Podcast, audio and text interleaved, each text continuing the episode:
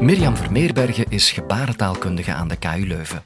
In dit college legt ze uit hoe gebarentaal werkt en waarom dove Vlamingen en Nederlanders elkaar niet verstaan.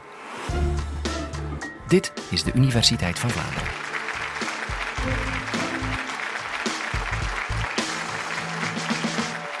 Wanneer ik aan het praten ben met iemand die mij nog niet zo goed kent en het gesprek gaat richting job, dan gaat die conversatie vaak min of meer als volgt. Wat doe jij eigenlijk? Uh, sta je niet in het onderwijs? Ja, dat klopt. Ah, middelbaar onderwijs? Nee, ik werk voor de universiteit. Ah, welke vakken geef jij dan? Ik geef vakken over Vlaamse gebarentaal. Vlaamse gebarentaal? Gebarentaal, dat is toch gewoon universeel? En dan moet ik dus uitleggen dat dat niet zo is. Over gebarentalen bestaan er nog zeer veel misverstanden. Vlaamse gebarentaal en Nederlands zijn allebei zelfstandige talen. Het zijn ook natuurlijke talen. Ze zijn spontaan ontstaan. Het is dus niet zo dat er iemand op een dag Vlaamse gebarentaal heeft uitgevonden. En het is al helemaal niet zo dat Vlaamse gebarentaal bedacht is om het Nederlands voor dove mensen toegankelijk te maken. 98 procent van de dove kinderen wordt geboren in een horend gezin. En die ouders kennen vaak geen gebarentaal op het moment dat bij hun kind doofheid wordt vastgesteld. Voor die dove kinderen is Vlaamse gebarentaal dus niet de moedertaal in de strikte betekenis van het woord, maar het is vaak wel hun eerste taal, de taal die ze het liefst gebruiken en waar ze de voorkeur aan geven. Goed, we zeiden het al, over gebarentalen bestaan veel misverstanden. Misverstand nummer één, gebarentaal is universeel. Zoals ik al zei, dat klopt niet. En als ik dat dan uitleg aan mensen, dan is de reactie vaak maar dat is toch jammer? Dat zou toch gemakkelijker zijn mochten alle dove mensen over de hele wereld dezelfde gebarentaal kennen. En dat klopt natuurlijk, dat zou gemakkelijker zijn. Net zoals het veel gemakkelijker zou zijn als wij, horenden, allemaal dezelfde taal zouden spreken. Chinees bijvoorbeeld. Of Frans. Supermakkelijk, allemaal dezelfde taal. Maar zo werkt het niet. Gebarentalen en gesproken talen zijn natuurlijk ontstaan. En op het moment dat gebarentalen ontstaan zijn, zaten niet alle dove mensen zo op één kluitje bij elkaar. Dus gebarentalen zijn op verschillende momenten ontstaan, op verschillende plaatsen. En er zijn dus verschillende gebarentalen. Nu, is het zo dat dove mensen makkelijker over de taalgrenzen heen kunnen communiceren dan horende mensen. Bijvoorbeeld als een Vlaamse dove op vakantie is en die komt een Deense dove tegen, dan lukt het wel om een basisgesprek met elkaar te voeren. Maar als ze bijvoorbeeld zouden willen doorbomen over de economische gevolgen van de brexit, dat lukt niet meer. En als er een tweede dove bijkomt en die twee, doven, die twee Deense doven praten met elkaar in Deense gebarentaal, dan is het voor de Vlaamse doven niet meer duidelijk. Maar dus, dove mensen kunnen meestal wel wat makkelijker internationaal communiceren dan horende mensen. Hoe dat komt, weten we nog niet helemaal. Maar wat zeker een rol speelt, is de visueel-gestuele modaliteit van gebarentalen. Gesproken talen zijn oraal-auditieve talen. Dat wil zeggen dat je je mond gebruikt om de talen te produceren en je oren om de talen waar te nemen. Gebarentalen zijn gestueel-visueel. Dat wil zeggen dat we onze handen gebruiken en de rest van ons lichaam, daar gaan we het later nog over hebben, en dat we onze ogen gebruiken om de talen waar te nemen. Dat heeft een aantal gevolgen. Je kan bijvoorbeeld over een grote afstand communiceren. Je kan gemakkelijk gebaren in een lawaaierige omgeving, in een discotheek of op een fuif of tijdens een concert. En als ik in de trein zit en Christophe staat nog op het perron, kunnen wij zonder enig probleem met elkaar door het glas communiceren. Wat dan weer wel lastig is in gebarentaal, is als je op het toilet zit en het toiletpapier is op, om dan om hulp te roepen. Nu, er zijn praktische gevolgen van de modaliteit, maar die visueel-gestuele modaliteit heeft ook gevolgen voor de structuur van de taal.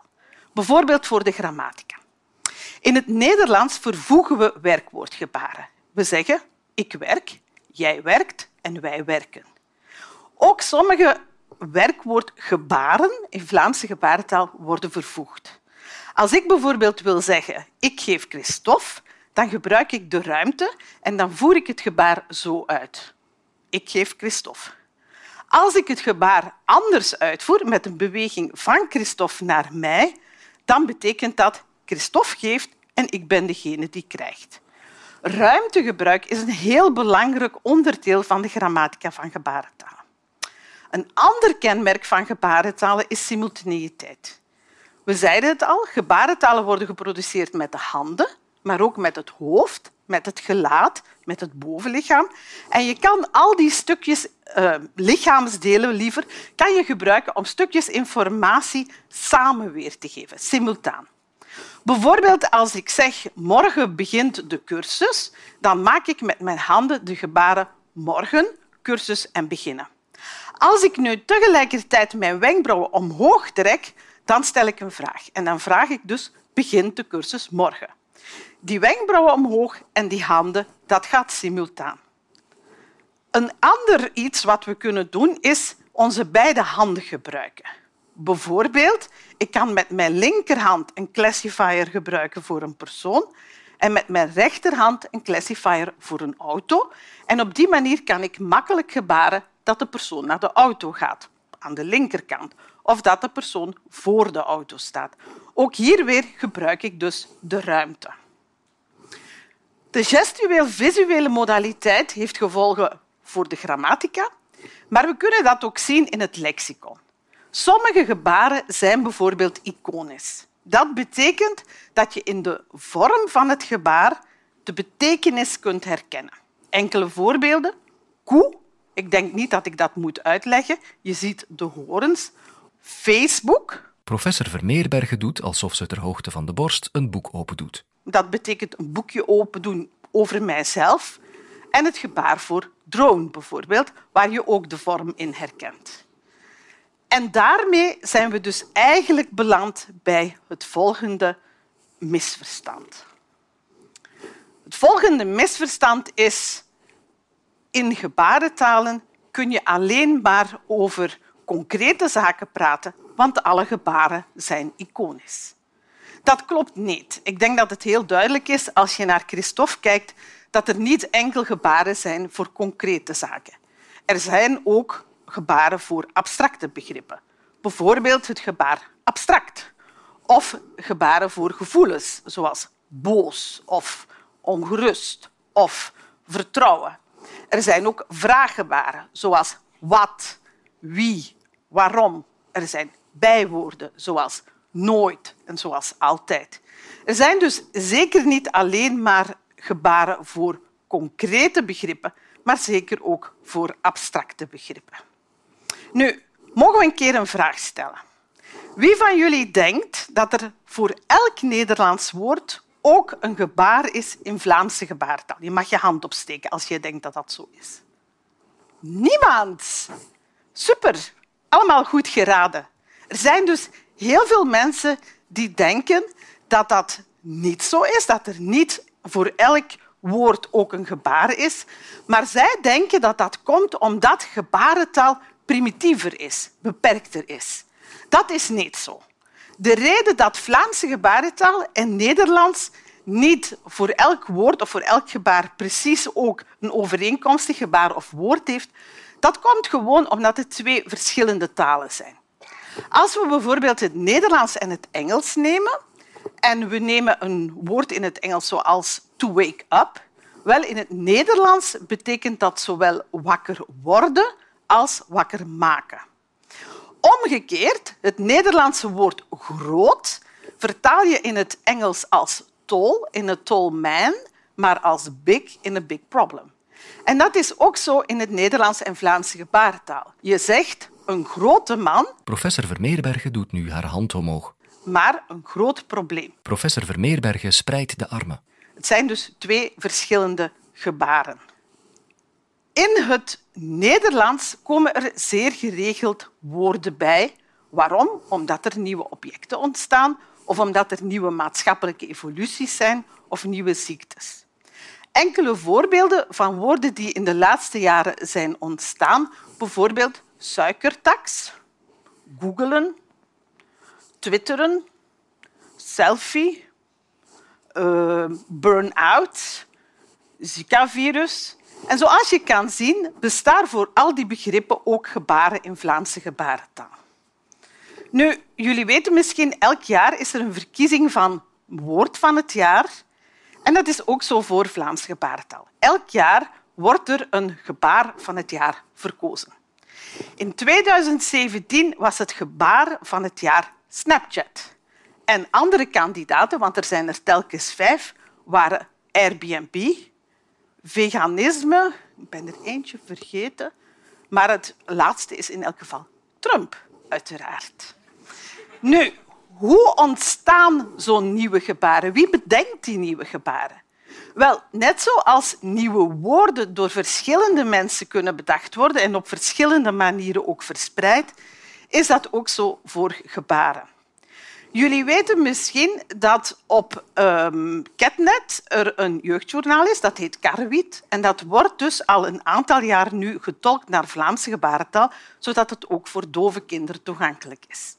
Nu, de tolken die voor die vertolking zorgen, die hebben af en toe wel eens een nieuw gebaar nodig. En het is vaak via die tolken dat die nieuwe gebaren dan ook verspreid raken. Wat ook gebeurt, is dat iemand op Facebook iets post en daar een nieuw gebaar gebruikt en dat dat op die manier verspreid wordt.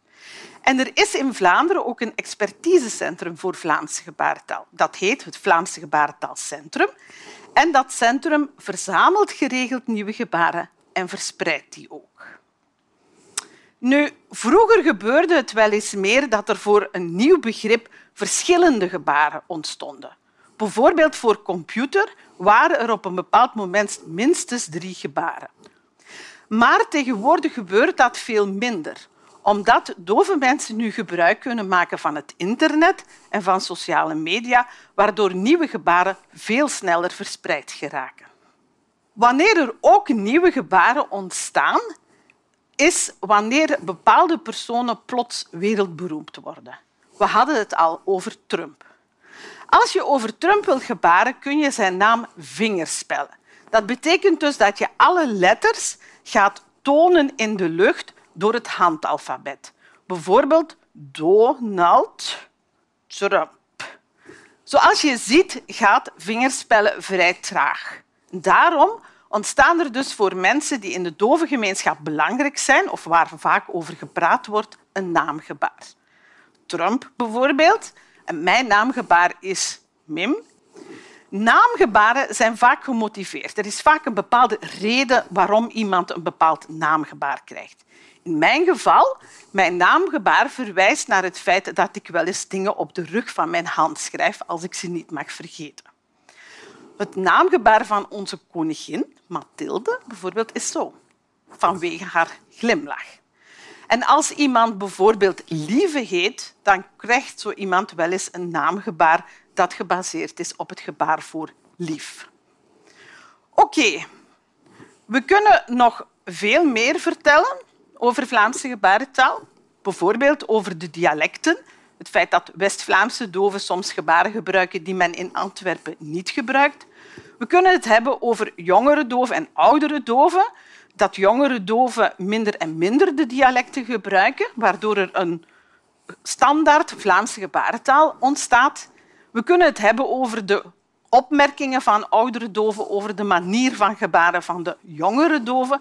Ook dat is niet heel anders voor gebarentalen dan voor gesproken talen, maar onze tijd is om. Dus het antwoord op de vraag hoe komt het dat Vlaamse doven en Nederlandse doven elkaar niet begrijpen, is tweeledig. Enerzijds is het zo dat er niet één universele gebarentaal bestaat die alle doven over de hele wereld, en dus ook Vlaamse doven en Nederlandse doven, gebruiken. Vlaamse gebarentaal en Nederlandse gebarentaal zijn twee verschillende gebarentalen. Nu, Nederlandse gebarentaal en Vlaamse gebarentaal zijn ook zelfstandige talen. Het zijn dus geen vormen van het Nederlands. Nederlandse gebarentaal is dus niet een soort Nederlands in gebaren en Vlaamse gebarentaal is dat ook niet. Vlaamse gebarentaal en Nederlandse gebarentaal zijn twee volwaardige, zelfstandige, natuurlijke talen met een eigen lexicon en een eigen grammatica. Wil je meer horen? De podcast van Universiteit van Vlaanderen vind je op iTunes, Spotify, radio1.be en knak.be. Dit college wordt ook simultaan in Vlaamse gebarentaal gegeven door Christophe de Weert. De video vind je op universiteitvanvlaanderen.be.